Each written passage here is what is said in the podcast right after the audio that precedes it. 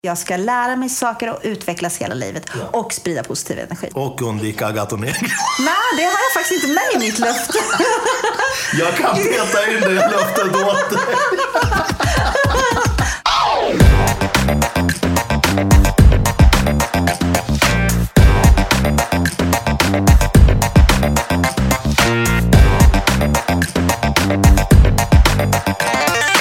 Hej allihopa och varmt välkomna till ett nytt avsnitt av Rörsut med mig Hanif Sabsevari. I dagens avsnitt ska vi bekanta oss med en sprudlande glad sommelier som har jobbat med dryckesprovningar och dryckesutbildningar i över 20 år. Hon är inte bara en av de främsta experter inom öl, sprit och vin som jag känner till. Hon är också skribent i bland annat Vinsider, men har även skrivit åt tidningar såsom Aperitif, Vin och Bar och Allt om mat. Hennes karriär får de flesta av oss att tappa hakan och i det här avsnittet får vi höra henne själv berätta om hur hon bland annat utbildat sig till laboratorieassistent, jobbat som blom och fågelguide på Karlsö och ansvarat för dryckesprovningar på Prips. Och som om det inte vore nog utbildade hon sig till sommelier vid restaurangakademin jobbade på Systembolaget, höll dryckesutbildningar på Spendrups och var även ansvarig för ölprovningar på Akkurat. Så småningom startade hon även sitt eget företag, Malt och Druva och kom även att bli en av de absolut främsta inom lakrits och vinprovning. Jag är extremt glad över att hon vill ställa upp i Rörsut och berätta om sin resa. Så utan att dra ut på det mer vill jag härmed presentera dagens gäst.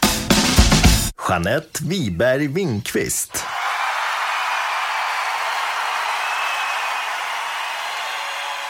Jeanette, Ja, varmt välkommen till Rörsut. tack så hjärtligt. Gud vad kul att ha dig med. Du är liksom som en solstråle. Hela din aura är bara så här fantastisk. Man blir glad bara man tittar på dig. Du är en sån här leende och glad och härlig sprudlande person. Ja, men tack så, Så det här ska bli superkul. Tack, tack. Ja.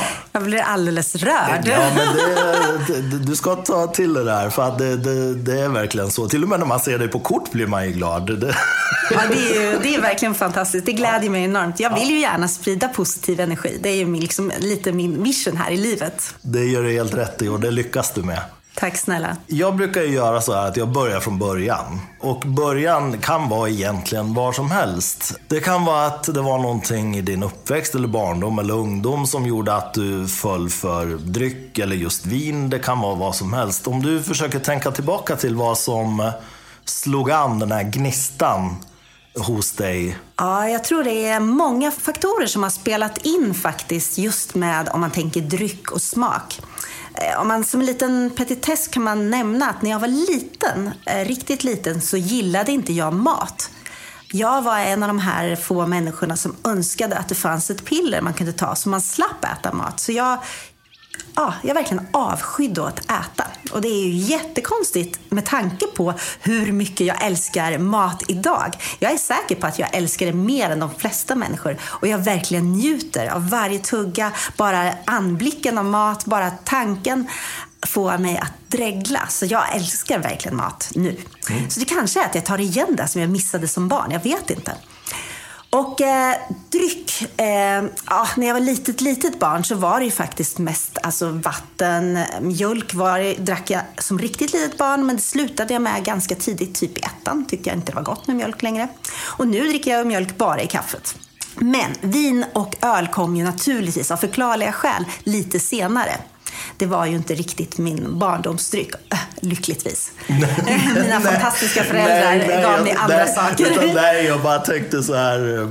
Anledningen till att jag brukar fråga så här i din barndom, det kan ju vara att man har föräldrar som har varit väldigt vinintresserade. Ja, till nej, exempel. det, det kan jag säga att de var väldigt eh, dryckesintresserade överhuvudtaget. De gillade också mat och dryck och sådär. Men det var inte, inte på samma nördiga stadie som det är för mig. Absolut inte. Långt, långt ifrån. Eh, däremot så vet jag när jag, alltså jag växte ju upp i Kumla i Närke. De flesta associerar ju till fängelse, men det finns ju lite annat också. Sakab, varmkorv, eller Sibyllakorv och eh, ja, Bob brukar man också kunna associera till. Ja, just det. Därifrån. Men eh, då när jag var liten så var det ju, eller rättare sagt började gå ut på krogen, då var jag lite, lite större naturligtvis. Även om vi naturligtvis fuskade oss in även som minderåriga bara för att, eh, ja, råkade man vara inte extremt kort och, och sminkade sig så såg man äldre ut än vad man var. Eller så var vakterna väldigt snälla, jag vet inte vilket.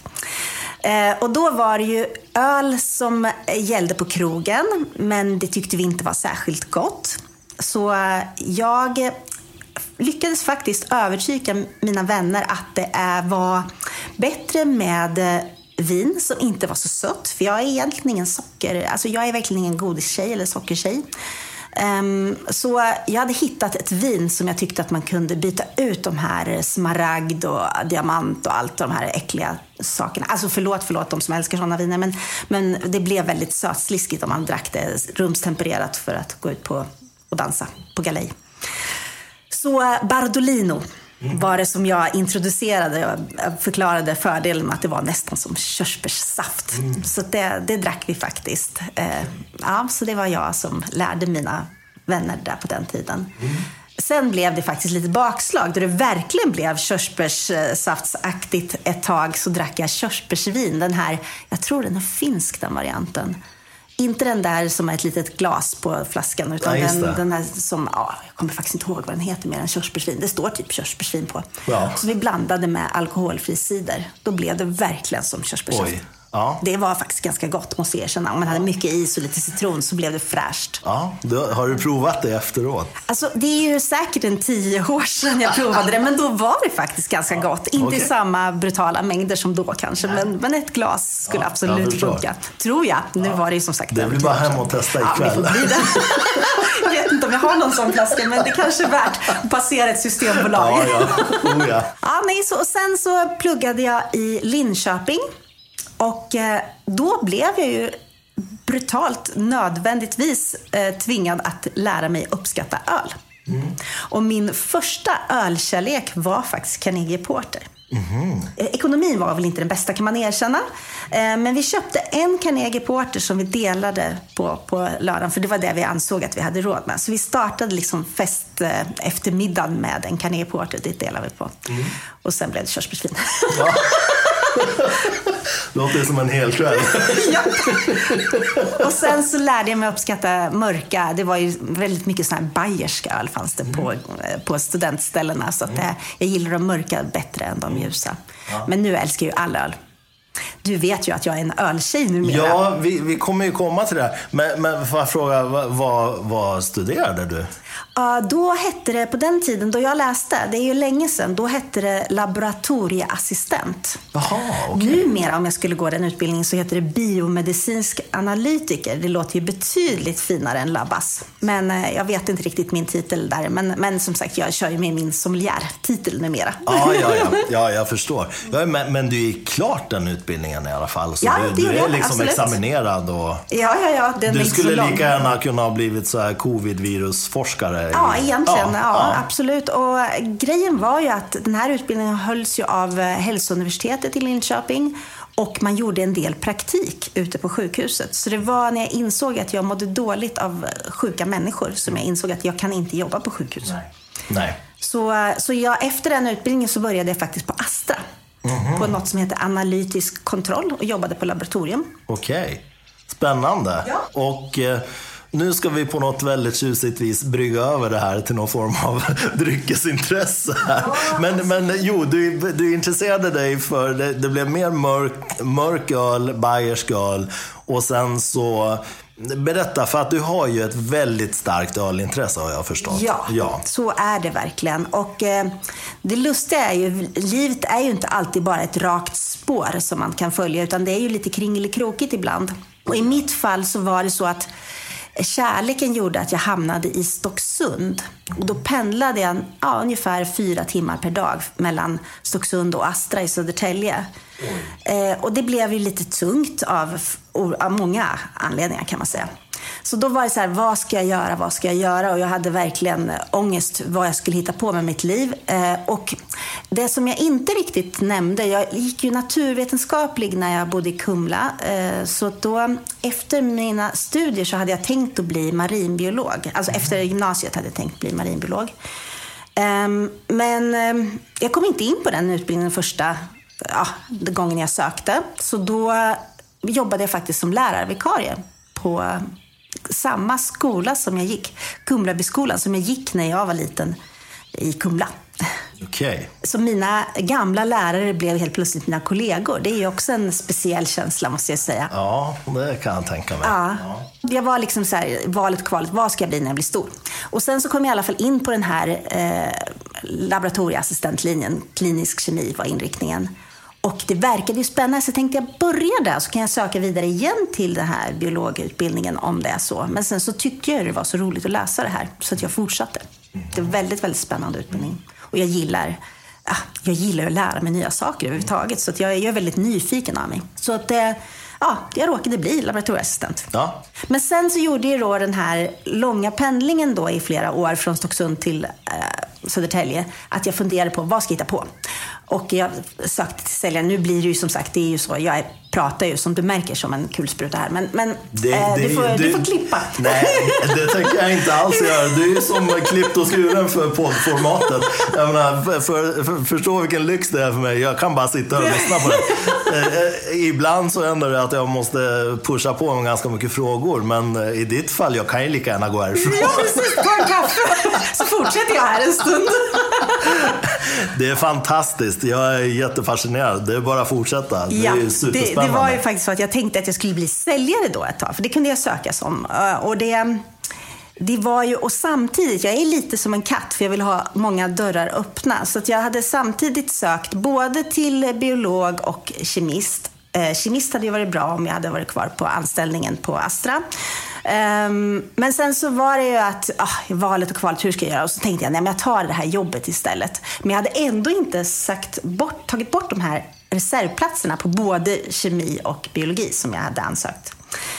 Um, så gick jag på den här, ja, jag startade min den här um, säljjobbet som jag hade fått. Och det var liksom samma dag som det var upprop på den här biologutbildningen. Aha, okej. Okay. Så på morgonen gick jag dit och eh, då så hade jag, som jag tyckte, alltså herregud, du får tänka det här är ju 90-talets början, eh, 94 närmare bestämt. Jag tyckte att jag hade tagit på mig fina kläder. För man skulle ta på sig ja, men, schyssta kläder. Och jag tyckte att jag hade, jag hade en lång kjol. Jag hade solbruna sommarben eh, utan några slags eh, strumpbyxor. Jag hade ett par öppna höga sandaletter. Eh, ja, och jag tyckte att jag var fin. Det är ju så här, eh, referenserna är olika. Ja. Men de här säljarna där tyckte inte att man kunde se ut så. Man skulle ha ett eh, så här eh, kostymsätt, alltså kavaj och kjol och då skulle det vara en snäv knälång kjol. Och man kunde inte vara barbent. Och man kunde inte ha öppen tå. Och man kunde inte ha en sån liten skinnportfölj som jag hade. Och jag kände, men gud, jag kan ju inte... Och så dessutom fick jag inte säga vad jag ville. I det här säljjobbet så skulle jag dessutom ha, följa ett manus. Mm. Eh, och det, det är ju inte jag. jag. Jag vill ju prata fritt. Jag har ju så himla mycket att säga, tycker jag alltid. Så jag kunde inte följa det här manuset. Så eh, vid lunchen så sa jag att ja, men det var jättespännande att ha varit här. Jag hade alltså blivit anställd. Men jag sa att jag kan inte vara kvar.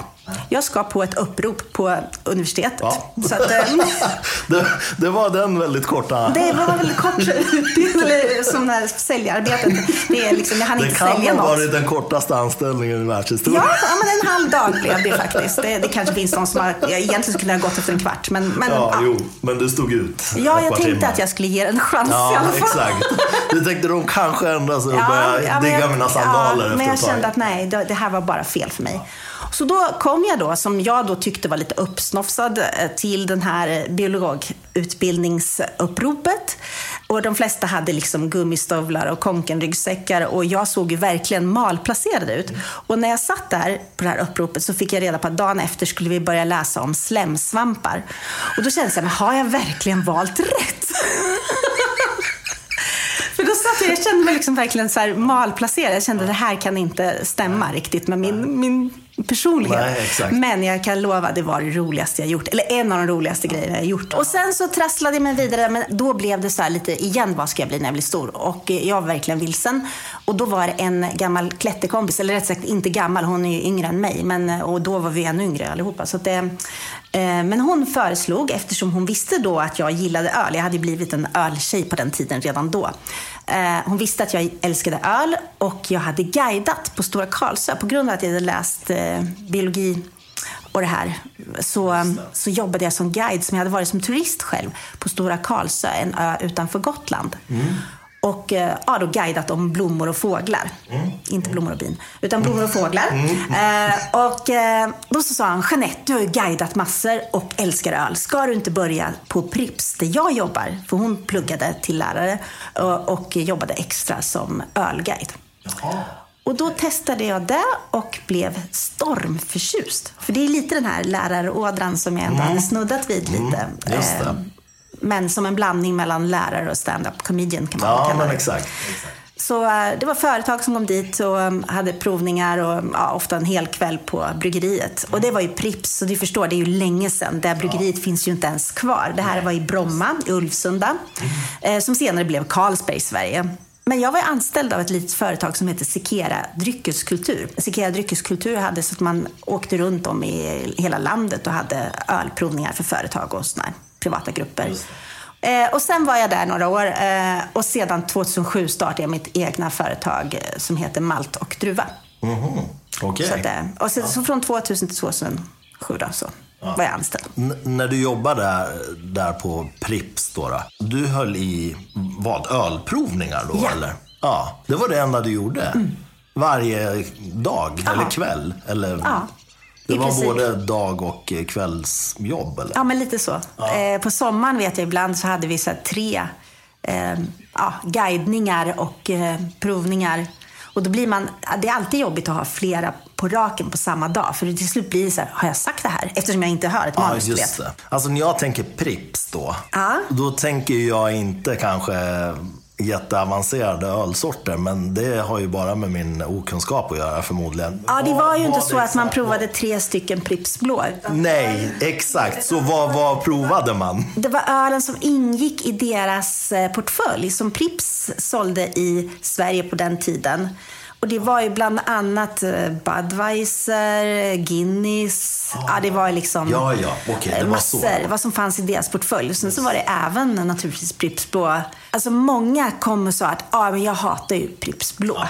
Och då sa jag, ja, är, du, är, du villig att ställa upp på en liksom blind, halvblind provning? Pripps blå är en av de här olika ölsorterna. Sen när det blev Carlsberg Sverige så blev det också Falcon, eh, det var Carlsberg, Pripps och eh, ja, så man kunde ha liksom några olika öl. Och det är väldigt ofta som de sa att ja, men det här är i alla fall inte, för den här är godast. Och då visade det sig att det var det. Det var Pripps blå, ja. Det, det är väldigt svårt att skilja ljusöl. Man måste vara, alltså det finns ju absolut de som kan, som Ja. är väldigt duktiga och väldigt vana. Ja. Men, men gemene man ska inte säga för mycket, kan man Nej, säga, utan att överdriva. Särskilt inte om man har druckit några öl innan. Då är det absolut väldigt ja, svårt. nej, då kan det bli svårt att skilja vad som helst från vad som helst. Ja, exakt så är det ju verkligen. Jo, det är ju därför man spottar när man har de här systembolagsprovningarna. Och så. Ja, tyvärr då. Jag är urusel på att spotta. Jag är nästan så att jag inte vill gå på provningar där man Ah. måste spotta. Oj, ja, nej, men jag tog faktiskt med mig spott. eh, Du gjorde det? Ja. Ja. det är bra. Eh, Man vet ju aldrig vad som eh, dyker upp längs vägen när man Nej, är ute och går. kan behövas en spottkopp. Ja, men du har alltid spottkoppen med. Jag har ju alltid ett vinglas med, eller flera Ja, vinglas just i min det, bil. just det. Eh, Ja, nej, det brukar så. inte jag ha Ja, om, om man, för man vet ju liksom inte. Om man ska hem till någon sådär och så åker fram en vinflaska och så Ibland faktiskt väldigt bra vin. Ja. men det ska drickas ur något så Ikea-glas eller någonting. Då är det verkligen så här, "Äh, men du, jag ska bara ut i bilen. Ja, där är du känsligare än jag. ja. Nej men eh, kul, kul. Så då, då blev du ölproffs helt enkelt? Ja, det, jag har aldrig använt den termen faktiskt. Jag är så himla ödmjuk. Eh, Men jag brukar faktiskt säga att jag är ölkunnig eller sakkunnig eller så. Eh, Jag, jag vet att ja, man kan, skulle kanske kunna säga det, men, men jag vill inte. Oh, men det är klart att du är det. Jag menar, det, det är ju så här med, med all form av dryck och mat och ja, egentligen vad som helst. att det finns ju alltid någon som är bättre som kan mer. Ja. Men det du har som jag tror kanske inte många andra har är ju den enorma praktiska erfarenheten där du har stått och verkligen gjort det här dag ut och dag in i flera år. Det ger ju en helt annan typ av kunskap än om man bara sitter och läser i böcker. Ja, men den tryggheten har jag absolut. Att stå och prata inför en grupp är jag ju inte rädd för. Utan det, jag tycker ju det är kul. Jag älskar det. Jag älskar verkligen att få träffa människorna. Och det har ju varit fruktansvärt under den här pandemin. Att inte få träffas. Liksom att inte få umgås. Att inte... Och även när man skriver. Jag älskar ju att skriva också. Men när man skriver får man ju inte det här tydliga gensvaret som man får när man har en grupp som man träffar, eller en person som man träffar. Det är egentligen därför man håller på. Man håller ju på för mötena Ja, men liksom, det är ju med människor. det är Eh, magiskt, ja. Men ja, alla har ju sina vägar liksom. Ja, ja, ja, och i den här branschen så måste man nästan ha flera ben att stå på. För att det är liksom inte, ja men det ena eller det andra skulle inte vara tillräckligt. Utan det, det är därför man gör så många olika saker. Anders Meldén då, som är tidigare gäst i podden, eh, han var ju också inne på det här att det är ju väldigt tufft. Eh, Det är ju inte en bransch där man blir stormrik och man måste vara på tårna hela tiden och, Ja. och aktivt söka upp och, och skapa sig själv så att säga jobb. Eh, Ja, men det lite så. kommer inte till en. Jag tänkte att vi ska komma in närmare på det så småningom. Men om vi försöker kroka tillbaka där vi var i kronologin här nu. Ja, Prips var vi på. Ja, Pripps var vi på. Och så, då, då jobbade du där ett, Ja. till 2007, sa du Ja, så? 2006 faktiskt 2006, var det, ja. Mm. när jag tänker efter. Jag, jag startade mitt företag 2007 då. Och då sa du upp dig då helt enkelt? Ja, det gjorde jag. Mm. Och sedan var det också att eh, det var ju liksom väldigt roligt jobb. Ja, men det var ju framför allt öl, ölprovningar och ölutbildningar. Och, eh, och det var ju lite av en värdinnetjänst kan man också säga. För det var ju att man tog emot gruppen, man hade välkomstöl, sen var det guidad tur och sen var det middag och ölprovning. Eh, eller om det var ölprovning och middag, jag kommer faktiskt inte riktigt ihåg. Det var ju rätt länge sedan. Och sen såna avslutningsöl i baren. Så det var liksom, oftast var de fyra timmar de som var. Men du kunde ha två sådana på en dag? Ja, det hände att man hade då en, under den tiden det var att man hade som visningar på dagen kunde man ha. Så att oftast var det inte att man hade två sådana här Nej, just stora. det, långa. Nej, för det var ju både förarbete och efterarbete också. Eh, och sen sa du upp dig och startade ditt företag. Och ja, hur Malt och druva, ja. Precis. Malt och druva. Ja, det var ju det att jag läste till sommelier. Sommelier om man är tjej, sommelier om man är kille. Jag läste till sommelier 2004-2005 på restaurangakademin. I grunden då när jag höll på eh, som ölguide och så vidare så var jag ju faktiskt, jag hade även lite whiskyprovningar. Eh, Så jag, jag, det, det hör man ju på mitt namn, malt och druva. Druvan kom ju Just. sist liksom. Så att jag var verkligen mer öl och sprit. Mm. Så när jag gick och läste på restaurangakademin så var jag ju ganska udda. De flesta var ju vinmänniskor. Det. Och jag var en ölmänniska med lite, lite sprit också. Om man nu tänker vad som hände, varför, varför, varför det är som det är idag, så kan man ju säga att det är några faktorer som har spelat in. Till exempel så var det ju så när jag blev gravid och väntade tvillingar så var det ju liksom lite tungt att eh, köra mitt företag. Det blev inte samma, man vill inte resa runt i halva Sverige och, eh, och tvilling, ja, man får en ganska stor kagge eh, ut- utan att överdriva. Eh, och sen när de väl kom så var det ju då ja, dubbelamning och det var inte så här att det var bara jättelätt som en räkmacka att sticka iväg på en, ha en provning. Så att, då blev det att när jag hade varit hemma ett tag med dem så av en slump eller lite, så här, lite baktanke var det väl, men ändå så gick jag in på Systembolaget i Sundbybergs centrum och sa att när det har lugnat ner sig lite, när de kan sova på nätterna, då skulle jag kunna tänka mig att ha ett extrajobb här. Vi behöver dig nu, sa de då. Och det var ju inte riktigt vad jag hade tänkt, men det, var ju bara att hoppa på båten. Så att jag körde helger där på Systembolaget i Sundbyberg. Och Det var jättekul verkligen. Men jag fick ju i princip bara jobba helger och så skulle jag kanske kunna få utöka till någon mer veckokväll. Så här. Och det, nah, det var efter ett par år kände jag, nah, alltså det här är ju faktiskt lite trist. Och Systembolaget, man kan säga mycket gott och ont om Systembolaget, men det som var tråkigt när man har ett eget företag, vilket jag fortfarande hade kvar, fast det låg vilande, eh, var att jag kunde inte gå på någon provning. Blev jag inbjuden på en provning så hade jag inte rätten att gå för då ansågs jag inte vara varumärkesneutral. Och det hade jag världens diskussioner med de här lite högre upp. Att hur ska man kunna hålla sig uppdaterad om man inte får gå på provningar? Eh, så att det, men, men, det är sådana bestämmelser och det bottnar väl i någon slags eh, ja, kris som var för länge sedan. Så att då bestämde jag bara, nej nu kör jag mitt företag istället. Så jag sa upp mig därifrån och eh, fick konstigt nog, precis som en skänk från ovan, massor bokningar. Ja, mitt företag hade legat stilla, liksom, ingen hade märkt mig överhuvudtaget och helt plötsligt fick jag massa provningar och jag fattade inte hur det gick till. Nej. Så jag tänkte, men det var väl som meningen. Ja. Men sen kom faktiskt ytterligare en fråga. Ja. En av mina vänner skulle vara mammaledig på Spendrups. Så då frågade hon om jag ville hoppa in och ha hennes tjänst medan hon var mammaledig. Så då gjorde jag det. Då hade jag utbildningar på Spendrups mm. under ett och ett halvt år. Du utbildade deras... Eh... Restaurangkunder. Ja, restaurangkunder. I, I öl framförallt. Okay. Det var öl jag okay. hade mm. ja. Men så var det ibland, i och med att jag var sommelier så kunde jag ju svara på vinfrågor också. ja, ja, självklart. Ja. Men jag var, var framförallt öltjej. Och det, det gjorde du tills hon var tillbaka då? Japp. Precis. Hur funkar det? Alltså, var, det var det något du tyckte om eller blev det också så här tråkigt efter ett tag? Nej, det, Nej. jag hade faktiskt, min förhoppning var faktiskt att jag skulle bli kvar. Att jag skulle Jaha, bli en av familjen. Alltså, ja. Det var verkligen så. Jag tyckte det var så himla bekvämt just då. Just när man är småbarnsmamma, ja, tryggt. Med liksom, ja, jag, jag trivdes som, verkligen som fisken i vattnet. Mm. Men sen så har ju saker och ting ändrats. Eh, de hon sa upp sig sen och sen så ändrade de om och gjorde om så att eh, nu så jobbar jag en del för dem ibland ändå. Jaha, okay. Under konceptet krogvis. Jaha. Så då utbildar jag också i både öl och vin. Ja, just det. Just det. Ja, för deras spännande. kunder. Ja. Jag vet ju att du idag skriver väldigt mycket och du är ju extremt duktig på att hålla lakrits och eh, vinprovningar. Så att någonting måste ju ha skett där efter det, där du har halkat in på den biten. Kan du berätta mer om, om det? Men det var faktiskt så att en av mina vänner, som tyvärr inte finns längre, mm.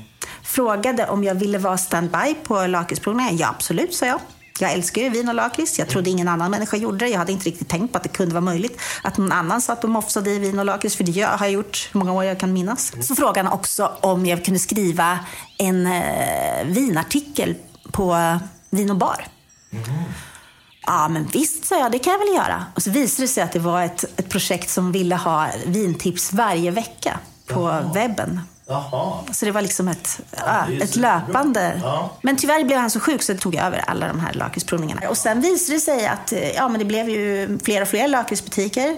Ja. Eh, jag kunde inte ha alla så att Eva Wäckström hoppade in och körde framför allt i Malmö. Eh, och så körde jag Uppsala också. Så jag körde Uppsala och Okej, okay. och det här gör du fortfarande då? Nej, och nu så kommer det här. Nu är det här, det här är så intressant tycker jag. VDn frågade mig, är det här liksom, är det okej okay att ha provningar på butiken så här med vin och lök? Ja, det är ju litet sällskap, så jag, liksom, tänkte jag. Eftersom jag har ju haft så många olika provningar på alla möjliga ställen ja. som inte är restauranger eller har något tillstånd. Så jag utgick från att det var okej. Men det som hände när man startade butiken, eller rättare sagt butiken fanns, men man startade lakrits och vinprovning i Göteborg. Då såg tillståndsenheten där. Jaha. Och då så var det liksom totalt bak, slog bakut totalt. Det var inte tillåtet någonstans. Så det, så det var inte pandemin som satte stopp för det här, utan det var tillståndsmyndigheten. Så alkohollagen i Sverige är ibland lite man får säga att den är lite kantig. Man liksom, det är ju ingen fylla, vi säljer ju ingen vin på det där. Man fick ett litet slurk upphällt glas i, liksom vin i glaset. Eh, och det fanns ingen möjlighet att köpa något mer. Och det var ålderskontroll och allt. Och man tycker att varför?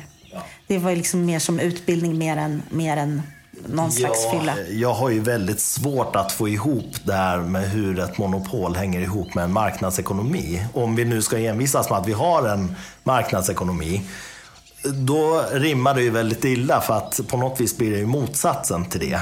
Väldigt många argument som finns för att ha det här, speciellt av hälsoskäl, tycker jag är bara ren dynga om jag ska vara helt ärlig. Ja, i alla fall så länge man säljer box. Då skulle man ta bort Exakt. boxen. Exakt. Ja, eller så måste det finnas en begränsning. Eh, så. Idag finns jag menar boxviner i all ära, men eh, jag ser ju folk som kommer ut från Systembolagsbutiker med alltså 20 flaskor sprit ibland också. Eller de här staplarna av öl, liksom, plattor, du vet som de bara staplar på varandra. Så att just hälsoargumentet håller inte tycker jag personligen. Eh, så det kan man bara lägga ner. Nu kommer vi in på ett sidospår, men, men de gör ju mycket annat som är väldigt bra. Bredden är bra. Bredden är bra och sen deras kvalitetssäkring när det gäller liksom beställningssortiment och, och tillfälligt sortiment är ju otroligt bra. Mm. Så. Så att de gör ju ett väldigt bra jobb och de är ju extremt professionella. Det här, det, det, det finns måste man verkligen ge dem. Verkligen, absolut. Det ja. håller jag helt med. Är helt och, och magiskt bra personal. Nästan varje systembolagsbutik man går in i, det är supertrevlig personal. Extremt hjälpsam, oftast också väldigt kunnig. Eh, så att det finns inget ont att säga om det, men det, det, är liksom själva konceptet med ett monopol som jag har väldigt svårt för. Nej, men jag, jag är ju lite det här, jag tycker eftersom jag kommer från ölvärlden, mm. jag, är verkligen, jag ser fortfarande mig själv som en öltjej, även mm. fast jag skriver mest om och har mest vinprovningar. Mm. Men, men ändå, jag är, har ju grunden i öl på något vis. Och eh, jag vet ju att vi hade ju en förbudstid i Sverige mm. då man inte fick dricka starköl. Vilket är också så här, man tänker liksom, varför då? Ja, eh, så att, och det var ju efter den förbudstiden som Systembolaget kom. Mm. 1955. Mm, och det har vi fortfarande. Det systemet är ju kvar. Ja. Systemet, ja. Systembolag är ju kvar. Ja. Och 57 började man med Operation Vin och det får man ju säga att man lyckades med. Ja, oh ja. Och, och det ska de ju också verkligen ha en eloge för. för att, ja, menar, istället för, för sprit, sprit, men precis. inte istället för öl. Det finns ju ingen värde. Nej, nej, nej, nej men så är det ju. Men, men eh, jag, jag kommer egentligen också från, från whisky och eh, tequila-sidan från början. Så att jag är också egentligen mer en spritkille från början. Men jag menar, alla människor är väldigt olika och vissa hanterar ju verkligen inte att dricka sprit. Men eh, så, så ytterst tycker jag så är att eh, det gäller ju att få folk att sluta dricka stora mängder sprit. Så är det ju bara. Lagom är bäst med allt, oberoende ja, vad du väljer. Ja, men faktiskt vin också. Ja, det är ju bara så. så att, och där har de ju verkligen lyckats. Eh, så, och jag hoppas att det fortsätter också på det här sättet. Nu försöker vi svinga oss tillbaka igen då, ja. i, i, i den här kronologiska tråden. När jag inte fick vara kvar där på Spendrups visade det sig ju, då, då blev det ju att jag började med lakrits och vin och även införde lakrits och öl på mm. lakritsroten. Eh, och så skrev jag ju för vin och bar. Just det. Mm. Och det var ju då det blev, man hör ju nästan på namnet vin och bar, det blev ju mer och mer vin. Just det. Så att jag, och jag har väl inte riktigt var, jag var inte så himla kär i vin när jag gick på restaurangakademin. När, när var det? När gick du där? 2004, 2005. Okej, okay. ja, just det. Och, och, när du började skriva för vin och bar, när är vi, vilket år är det? Då är det 2016. Just det. Mm. Så det är ju det är några år. Det förflyter sig där. Liksom tiden, det går fort när man har roligt, vet du. Ja, oh ja. Och det har man ju ja, hela ja, tiden. Ja, ja, men det blir lite roligare med jag tjej. Det är ett favorituttryck. oh ja, så är det. Ja. Så är det. Hur, hur har vi landat i det som är idag då? Och jag menar, det du gör, vad gör du idag och hur, hur tiden däremellan, vad händer där? Jag skrev ju för Vin och bar och älskade det. Jag tyckte det var så roligt. Jag trivdes. Och, det var så himla kul verkligen. Jag hade väldigt roligt med de som jobbade där. Men sen så fick ju han som var chefredaktör fick gå på dagen okay. av ägaren. Mm. Um, så, och då i och med att jag var, hade så nära kontakt så fick jag också gå på dagen. Vilket jag aldrig riktigt fick något svar på. Men så blev det. Okay. Uh, så då helt plötsligt var jag utan något att skriva för. Okay. Eh, mm. Så att det, var, och det lustiga är att man ska också bläddra tillbaka nu. Nu blir det lite hoppigt här då. Men mm. kronologiskt så har jag faktiskt skrivit för Vin och Bar eh, i omgångar. Och även då så innan, alltså det första skrivjobbet jag hade, det var faktiskt för allt om mat. Mm, okay. Det är ju som verkligen, alltså verkligen en, jag menar det var ju bara en slump. De, eftersom jag höll på med öl. Så ville de ha öltips till korv i ett nummer på allt om mat. Mm.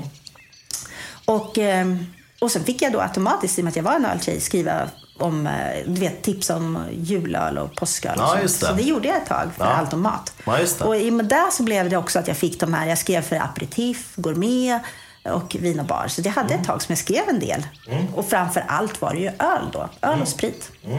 Mm. Och sen så blev det ju då av en, olika anledningar ett uppehåll då ända till 2016. Mm. där. Så det här var ju typ innan barnen skulle jag tänka att det där var de här andra som jag nämnde, som jag räknade upp, de här tidningarna. Och några finns ju inte ens kvar, eller någon finns inte kvar.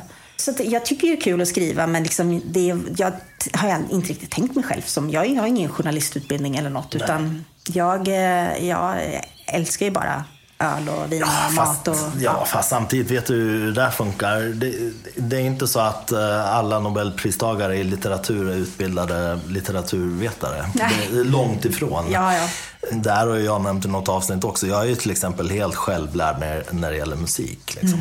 Mm. Mm. Jag vet ju gott om folk som har gått väldigt tjusiga musikutbildningar och de jobbar inte i musikbranschen. Nej.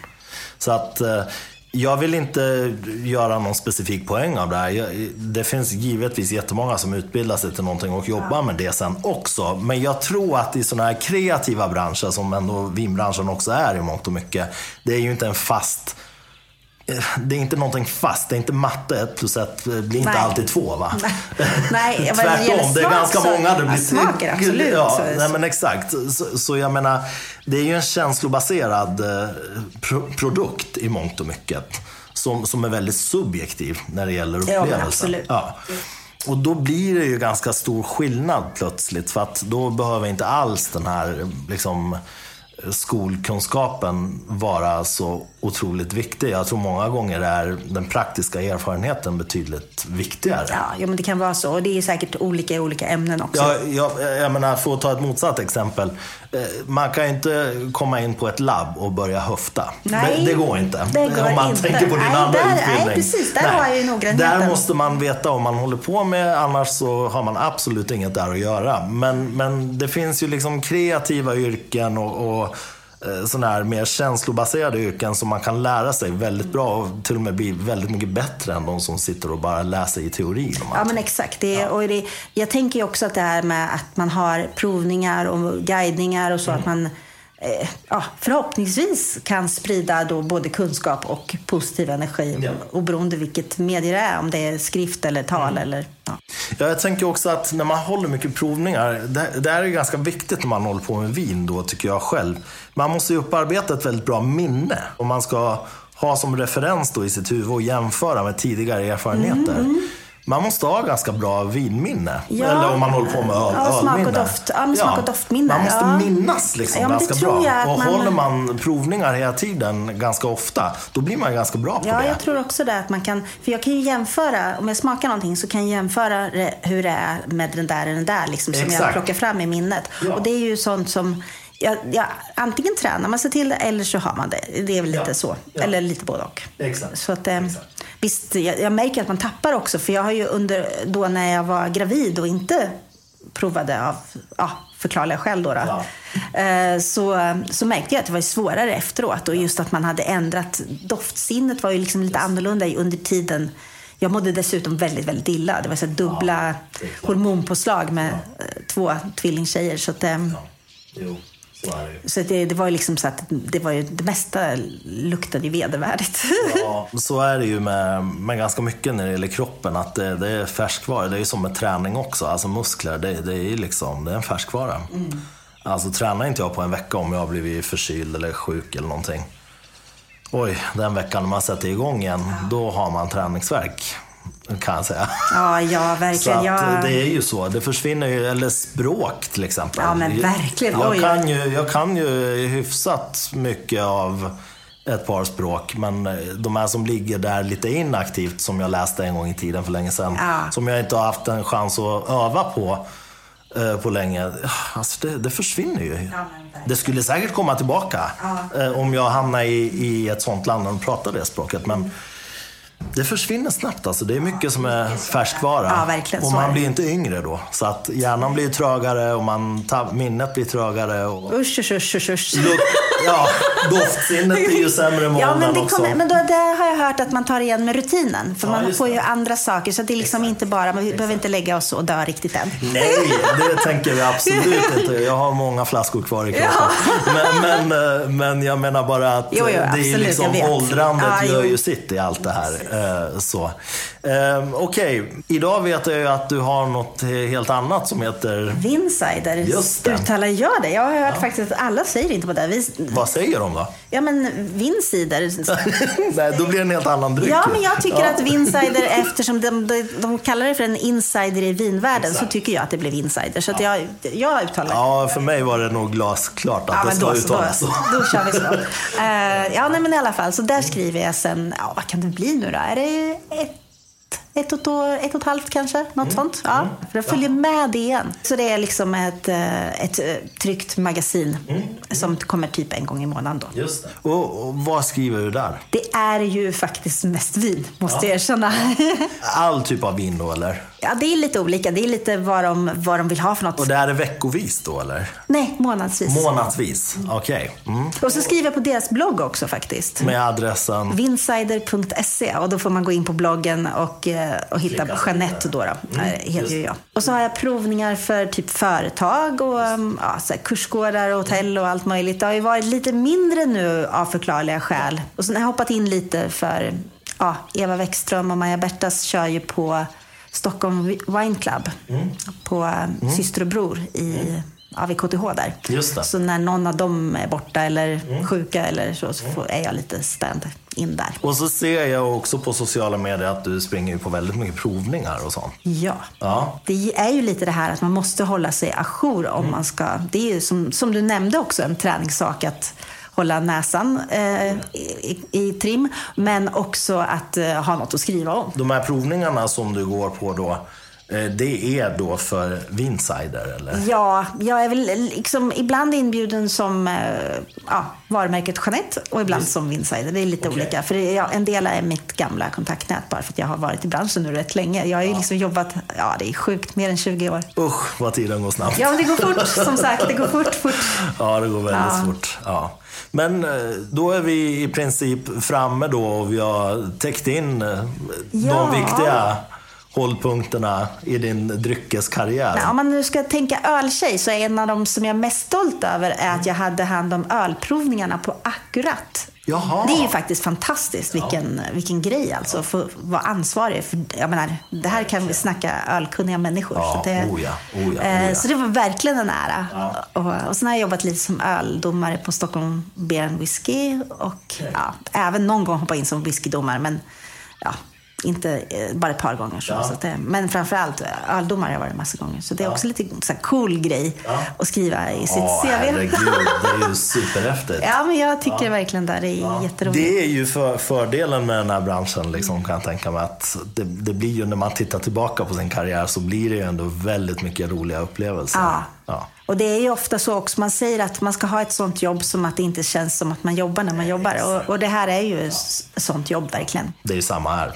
Det, det, är så, det, det är inte så att jag lider när jag sitter och skriver musik. För det, det är ju det jag är besatt av. Ja, jag är ganska faktiskt besatt av vin också. Det ska jag faktiskt väl, Jag har nästan förstått det faktiskt. Ja, det är, det är inte en hobby skulle jag säga. Jag tror att min eh, bättre hälft hemma skulle nog kalla det faktiskt för ett jobb som jag håller på. Men eh, det är ju inte för att tjäna pengar på det utan det är ju mest för att jag är så otroligt liksom, nyfiken. Mm, och sen så tror jag ibland när man gör saker som man tycker är roligt och man trivs med och så, så är det säkert så att det kan hjälpa dig i dina andra yrken också så att säga. Ja, alltså, det, det. Alltså man, jag tror inte att livet är bara som sagt ett streck, utan jag tror att mycket spelar in och mycket mer än vi kanske tänker på. Du har helt rätt i det. Det är aldrig ett rakt streck. Nej. Det jag tycker hela, alltså allt du har berättat här nu och att vi åker iväg på de här sidospåren. Egentligen är det ju inte sidospår. Nej. Det är ju parallella Det är spår livet. som allting pågår, Ja, där ja, ja. allting pågår Ja, ja, samtidigt. visst, så är det ju. det är ju det som är livet, liksom, summan av alla de här händelserna. Verkligen. Så,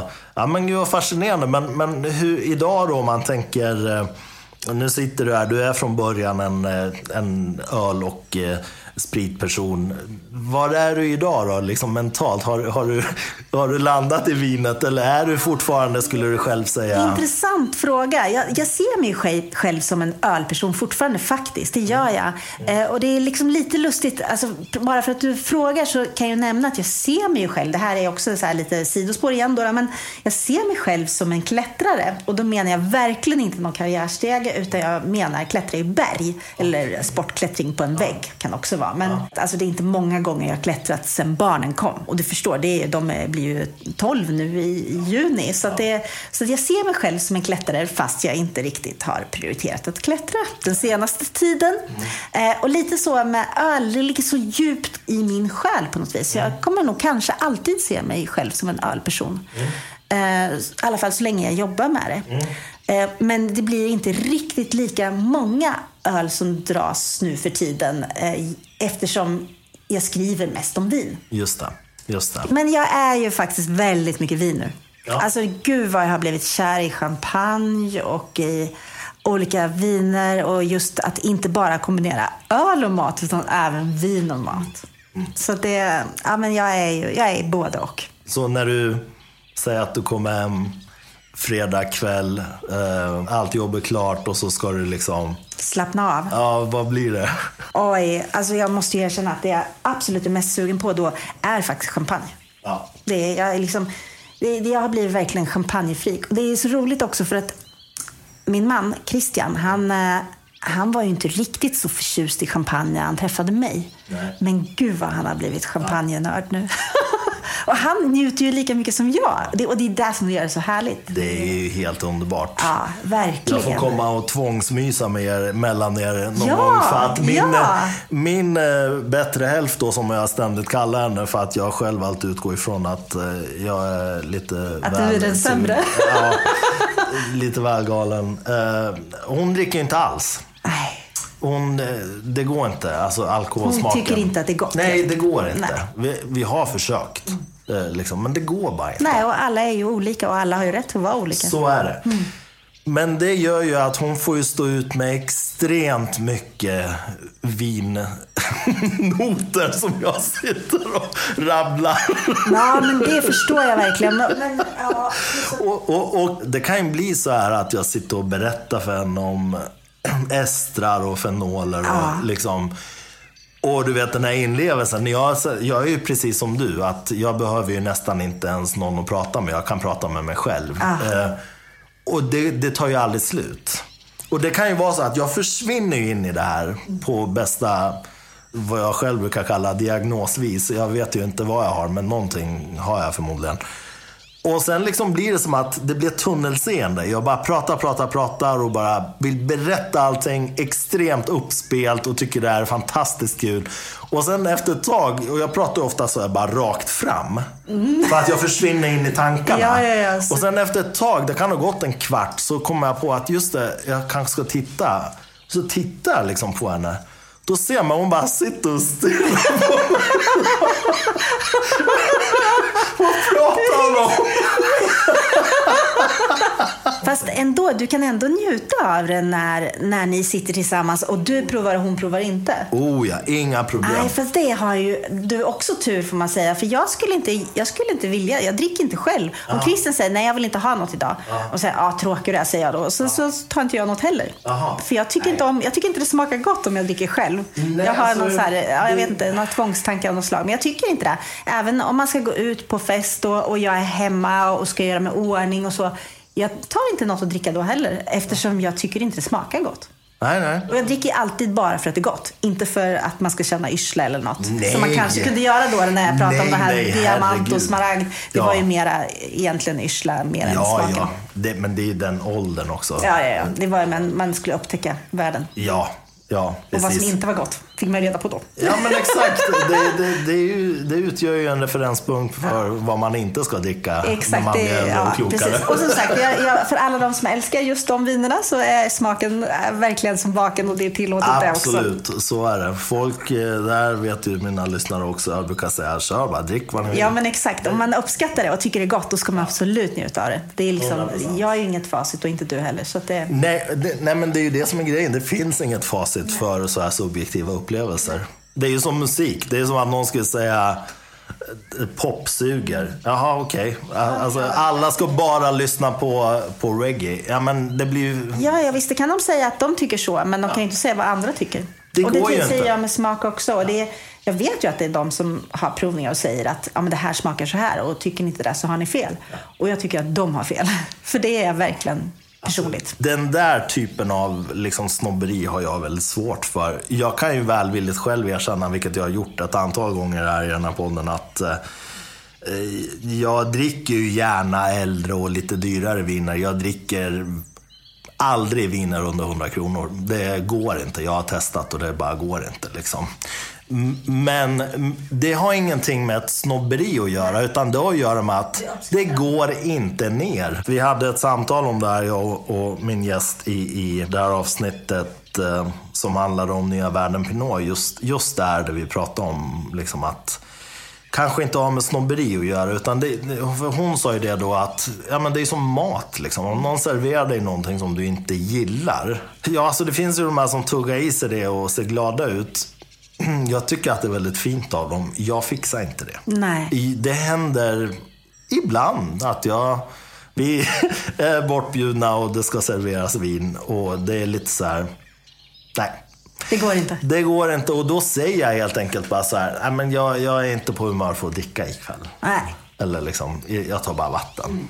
Det, men, men det har ju hänt. Det har ju hänt att det har hällts upp. Jag har tagit eh, en eh, liten mun av det där vinet och sen har lite sådär diskret försvunnit iväg till någon, eh, du vet, till någon vask eller in på badrummet eller någonting och, och gjort mig av med resten. Det har ju hänt.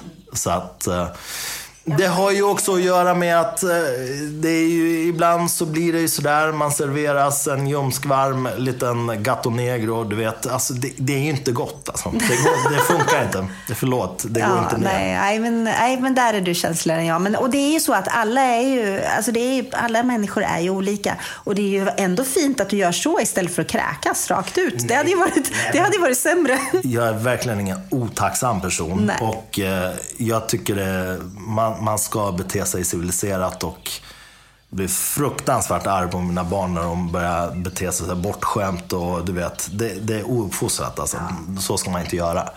Eh, för att de som, har, de som serverar dig vid, vid en sån måltid vill ju väl. De Exakt. vill ju bjuda på någonting som de kanske dessutom tycker är jättegott. Ja, ja.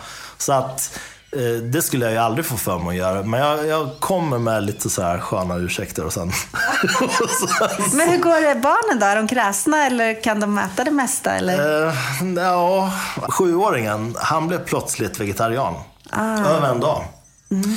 Det kom väl någonstans i takt med att vi började prata om djur och djurs rättigheter och djurplågeri. Ja, men du vet, eh, inte så här så att vi visa honom något som man inte kan nej, sova nej, nej, men, men, men, ändå. Ja. Vi, har ju, vi, vi har ju hundar, du vet, så han ser och han, vi är ju jättekänsliga med det här. Mm. De har tidigt fått lära sig att hundar är inte leksaker till exempel. Nej, utan, precis. Ja, respektera deras integritet och lära dem hundspråk och liksom hur man kommunicerar med hundar. Mm. Eh, men han blev plötsligt vegetarian och jag tänkte att ja, ja, vi får se hur många dagar det här håller. Till nästa capricciosa förmodligen, liksom, tänkte jag. Nej, alltså det är benhårt. Han inte tillstymmelse till att uh, det ska ändras. Och det är snarare så här att resten av familjen har hängt med lite grann nu. Jag kan ju aldrig bli 100% för jag älskar ju kött för mycket. Men vi äter mycket mer vegetariskt tack vare honom. Men är det så att det är okej med ägg och mjölk och sådana grejer? Han är inte vegan i alla fall? Nej, det är han inte. Och, och han själv ville ju inte äta fisk heller. Men, men sen, jag, jag gör ju lax som han älskar. Fortfarande? Ja, så han äter. Han äter laxen. Det är bra för att få i. Det är vissa näringsämnen som, alltså det blir tufft. Just barn som växer och så också. Ja. Man vill ju gärna. Ja, vi ger dem ju alla de här vitamintabletter ja, ja. och tillskott och sånt där. Så att, men Ja, det är svåra åldrar. Jag kan inte säga att jag kan ha liksom ostron på bordet och de, de går igång på det. Men, men det är ju det är ju jobbigt. Alltså man försöker ju utvidga ja, smakpreferenserna en vi, del. Vi brukar köra att man måste smaka i alla fall. Det ja, har vi som... Så gör vi och, också. Och även om de har tyckt det var äckligt en annan gång så kan de smaka igen. För det kan ju ändras. Att... Ja, så är det ju. Ja. Det, det, jag menar, det gäller ju vuxna också. Ja, absolut. Det finns ju grejer jag har ätit första gången tyckte att nu är jag speciell då för att jag tycker allt är gott. Precis allt. I princip utom de här billiga vinerna då. Det har du faktiskt helt rätt i. Nu Jag räknade jag inte in dem. in Det, det, det var vaket av dig. Ja, nu tänkte jag mer bara på så här ätbara saker. Ja, ja, ja. Men, men det är också, det hör ju till min hemkultur. Alltså, iranier äter ju allt på ett djur. Eh, lite som samer. Alltså, samerna i Sverige äter ju allt som vi äter. De äter liksom tarmar och mage och ja, tunga och hjärna och allting. Liksom. Jag kunde ju växa upp så här med att jag kom hem från skolan. Min pappa har kört in och så ganska oklara grejer i ugnen. Och, och jag tittar bara, ja men vad blir det idag då? Äh, det blir eh, åsnetestikel, säger han då. Jaha, okej, ja, spännande, säger jag då. Ja, man reagerar inte om man inte liksom har de Nej, för att referenserna. jag hade ju ätit inälvor och hjärna och du vet allt du kan tänka dig från när jag var barn och älskar ju det. Det är det bästa jag vet. Det är så fruktansvärt gott. Ja, jag har inte provat så jag kan inte säga. Nej. Nej, men alltså folk som inte har provat och kanske är ovana vid doften och testar det i vuxen ålder kan vara lite, ja det kan vara magstarkt liksom. Ja, men som men, njurar tycker jag inte om just precis som du pratade om den lukten. Det, det är liksom... Alltså, Mm. Ja, och så bara det här att man säger. Alltså jag tycker inte om lever. Om man säger att det lever, bara, bara att jag vet att det lever så tycker jag inte ja, men det, är, det är ju det. Alltså, man måste vara befriad från det här, tänka på vad det är och hur det ser ut. Jag, jag är helt befriad från det. Alltså, jag kan inte bry mig mindre. Jag stoppar i munnen och kör liksom. Eh, Men så att jag är inte kräsen så. Så jag hoppades väl att min, den där genen kanske ska slå ut lite i barnen. Men eh, Ah, deras mamma är ju betydligt kräsnare skulle jag säga. Eh, än vad jag är. Ja, hon är väldigt kräsen jämfört med mig. Hon skulle aldrig i livet äta sånt som jag äter. Alltså sådana saker. Nej, men då är det inte så konstigt att Nej, barnen så blir att påverkade av båda. Nej, men, men jag hoppas ändå att det är åldern. För du vet, det är ju, de där åldrarna, det är ju, är ju mycket köttbullar, korv och makaroner och Så pasta har det och blivit ris. rätt och, mycket hos oss också. Ah, det blir ju lätt så. Och det, det är lite så här, de här gångerna när, när vi har tänkt, ja men nu ska vi testa. Jag har ändå liksom tänkt, nej, jag måste ha en backup. För det jag kan inte låta dem gå hungriga. Nej, de de äter och så gillar de det inte. De kan inte gå och lägga sig hungriga. Liksom. Nej. Så att då har man ändå gjort en bytta med pasta och någonting, du vet. Mm, just så att, det. Ja, Ja. ifall att. Ja, men det är bra. Ja, man måste göra så tror jag. Ja, vi brukar eh, försöka faktiskt att eh, inte göra så, för det blir så mycket extra jobb. Men då blir, ibland blir det att man får ta in en macka och lite frukt och sånt istället. Äh, Vi, vi måste ju göra så för att eh, vi äter i princip fyra olika maträtter varje person per måltid. Oj! Ja. En är ju vegetarian. eh, och eh, ja, min eh, sambo då, hon eh, är ju som hon är. Hon äter inte allting som jag äter. Eh, och eh, minstingen, ja men han kan väl hänga med liksom oftast äta något av det de andra äter. Eh, och så har vi mig då. Jag äter ju mycket konstiga saker. Plus att är det vinkväll, vilket det är i alla fall tre kvällar i veckan, då blir det ju att jag matchar maten till vinet. Mm, just det. Jag menar, jag har valt vinet och då blir det någonting som kommer funka till vinet. Och i och med att hon inte dricker då, Nej, just det. Då är det inte Ja. lika viktigt. nej. Nej. Så det kan vara sådär. Vi, Ja, det är verkligen Ja. mycket tid för att lägga på att laga mat helt enkelt. det är kul. Ja, jo men det är det. Det är Det roligt. ja. Det är så här, jag har inget emot det faktiskt. Men du, ja, vi, kan, vi, kan, vi kan prata. ja, men oh ja, vi skulle kunna sitta här i ett dygn. Ja. Ge oss lite Gato Negro bara, Ja. så, så kör vi. Det tror jag inte på. Men du, Jeanette, alltså, jag är otroligt tacksam för att du ville vara med. Eh, det ska bli jättespännande. Jag, jag har väl någonstans här på känn att du kommer nog inte eh, vara kvar på samma punkt ens om kanske ett år. Utan du är en sån här person som gör mycket olika saker. Det ska bli väldigt spännande att få följa din resa. Ja, jo, men absolut. Jag hoppas också att jag utvecklas hela livet. Det är faktiskt ett av mina löften till mig själv. Att jag ska lära mig saker, saker och utvecklas hela livet. Och sprida positiv energi. Det är liksom mina... Och undvika Negro. Nej, det har jag faktiskt inte med i mitt löfte. Jag kan peta in det löftet åt dig. Nej, Ja, jag, jag blev nästan nyfiken, för det var väldigt länge sedan jag provade. Så det, ja. det är nästan så jag blir nyfiken. Ja, jag får köpa nej, både det... körsbärsvin och Gato Negro nu bara för att se om det är så illa som du säger. Känner du att vi har fått med allting? Ja, men jag tror det. Jag kan inte komma på något nu i alla fall. Det... Kommer du på något så, så ringer du, så sätter jag en mikrofon vid telefonen. Ja, exakt. Så här, liksom lite diskret inklipp där. med någonting som är väldigt viktigt. Ja, exakt, exakt. Nej men vad kul. Och tack så jättemycket för att du ville vara med. Och eh, ja, vem vet, du kanske dyker upp här igen. Jag har ju en del återkommande gäster, man vet aldrig. Ja, men det låter jättetrevligt. Ja. Verkligen. Tack så hjärtligt för att jag fick vara med. Självklart. Och, och då rundar vi av här och eh, önskar alla fortsatt trevliga vinupplevelser helt enkelt. Och ölupplevelser kanske. Självklart det också. Dagen till ära. Tusen tack. Tack, tack.